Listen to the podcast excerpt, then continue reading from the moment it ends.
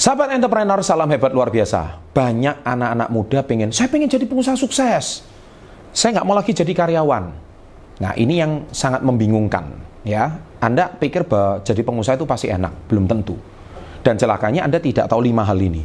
Lima hal ini adalah para pengusaha UMKM tidak tahu lima hal ini. Celaka banget. Kalau Anda tidak paham lima hal ini, besar kemungkinan Anda akan balik jadi karyawan dan Anda menganggap jadi pengusaha itu sangat berat. Apa saja itu? Selang satu ini.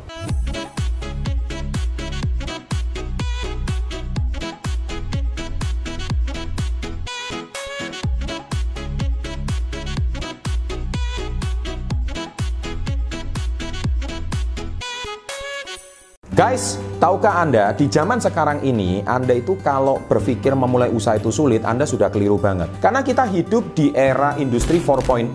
Kita hidup di era tahun 2020 yang mana segala semua platform digital itu sudah mudah sekali, sosial media sudah mudah sekali. Termasuk Anda tidak perlu mempunyai toko fisik Ya, toko fisik mungkin perlu kalau di zaman dahulu, tapi Anda juga bisa memiliki yang namanya toko fisik tapi secara digital. Nah, salah satu yang membuat toko digital Anda itu cantik, membuat customer Anda percaya, membuat reseller Anda atau mitra Anda percaya, membuat Anda punya investor itu percaya, membuat supplier Anda itu percaya, salah satunya yang bisa membuat percaya itu adalah hosting. Saya ulangi, hosting. Nah, hosting itu apa? Hosting itu sesuatu yang sangat dibutuhkan ketika Anda bekerja di dalam dunia digital. Oleh sebab itu, saya rekomendasikan Hostinger karena Hostinger itu adalah sebuah tempat hosting yang sangat bagus sekali dan saya sudah juga pakai jasanya. Silakan Anda coba klik link di bawah dan di situ Anda silakan chat ada customer service-nya. Pertanyaan apa pun yang Anda butuhkan, silakan langsung kunjungi link ada di bawah. Saya tunggu sekarang juga. Nah, sahabat SP30, saya melihat bahwa banyak pemula, pengusaha UMKM pemula, entah itu Anda jualan barang, jualan makanan, jualan jasa, Anda tidak paham akan lima hal ini. Nah, yang pertama adalah Anda harus tahu menghindari hutang dengan bunga yang tinggi. Apalagi sekarang bunga itu ditawarkan kartu kredit, bunga ditawarkan KTA, apalagi ditawarkan KTA itu apa sih? Kredit tanpa agunan, apalagi ditawarkan koperasi. Nah, terkadang sebagai pengusaha kan memang butuh modal awal untuk mengembangkan usaha. Namun kamu juga perlu jeli terhadap biaya-biaya tambahan yang bisa memberatkan usahamu. Jangan-jangan dengan bunganya itu saja, usahamu untungnya belum tentu lebih daripada bunga tersebut. Nah, itu sangat berbahaya. Hindari hutang dengan bunga yang sangat tinggi. Itu hati-hati sekali. Kalau tidak, Anda akan sangat dangerous dan sangat berbahaya sekali. Nah, terlebih-lebih usaha Anda belum tahu pangsa pasarnya, usaha Anda juga belum tahu ke mana, kemudian eh, customer base-nya juga belum tentu terukur dengan rapi, berapa omset setiap bulan, Anda akan mempunyai kebingungan yang luar biasa kalau Anda tidak tahu bagaimana menghindari hutang dengan bunga yang tinggi. Nah ini pengusaha pemula harus tahu hitung dengan baik-baik bunganya. Karena pengusaha menurut saya penting mana Pak, model atau mindset? Bagi saya nomor satu mindset. Kalau Anda kehabisan modal tapi mindset Anda benar, model akan datang. Tapi kalau Anda mindsetnya keliru, dikasih modal berapapun, habis juga modalnya. Oke? Okay? Jelas, nomor satu. Nomor dua, lakukan penghematan. Di dalam bisnis itu sangat penting sekali yang namanya penghematan. Sekecil apa pun, satu rupiah pun, itu akan sangat berdampak kalau Anda tidak bisa mengkalkulasi dengan benar. Kamu harus teliti soal pengeluaran bisnismu.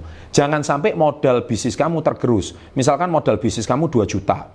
Dan akhirnya modal bisnis kamu akan tergerus jadi 1,8, 1,6. Akhirnya uang itu entah hilang ke mana. Sehingga Anda tidak punya kesempatan untuk kulaan barang lagi. Dan akhirnya itu habis. Nah, kalau bisa modal bisnis ya tetap 2 juta ya 2 juta. Akhirnya 2 juta ini akan bertambah menjadi 3 juta, menjadi 4 juta. Dan itu jangan dipakai karena itu modal untuk perputaran usaha. Bisnis butuh modal perputaran usaha untuk semakin lama semakin besar. Jadi modal perputaran usaha miliaran itu juga dimulai Anda disiplin menggunakan modal usaha Anda dari 2 sampai 3 juta rupiah tersebut.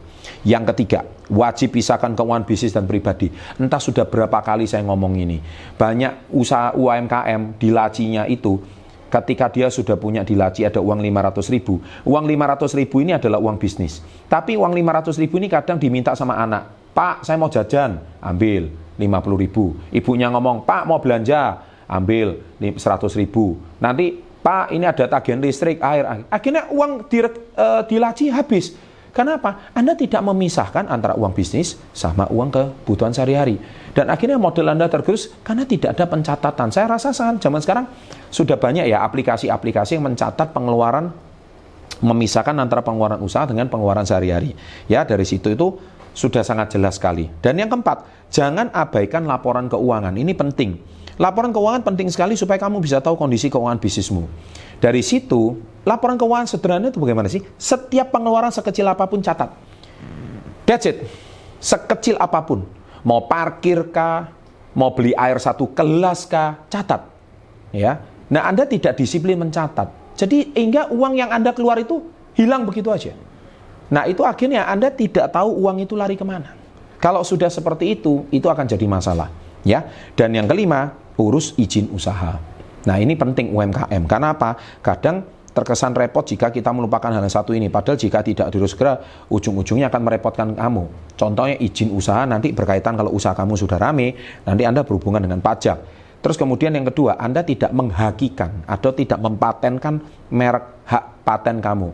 Akhirnya kalau suatu hari misalkan seperti kasusnya geprek bensu contohnya, ya. Jadi kalau dulu dari satu orang me, me, membranding, uh, dan akhirnya Ruben Onsu dia juga membranding, ya. Jadi uh, siapa yang duluan. Nah, ketika siapa yang membeli hak paten itu duluan, itu masalah. Ketika usaha ini sudah rame, Anda mau beli itu juga nggak bisa. Jadi oleh sebab itu, semua itu juga bermula dari kecil, Anda besar, segera patenkan. Ya, dan itu saya sekarang izin usaha online sudah banyak. Ya, Anda bagaimana pendaftaran haki juga sudah banyak. Dari situ kita bisa mempunyai sebuah portofolio yang sangat jelas. Oke, sahabat SB30, saya rasa lima hal ini sangat dipentingkan untuk pengusaha pemula dan pasti akan berdampak untuk usaha Anda ke depannya. Sukses selalu, jangan lupa like, dan salam hebat luar biasa.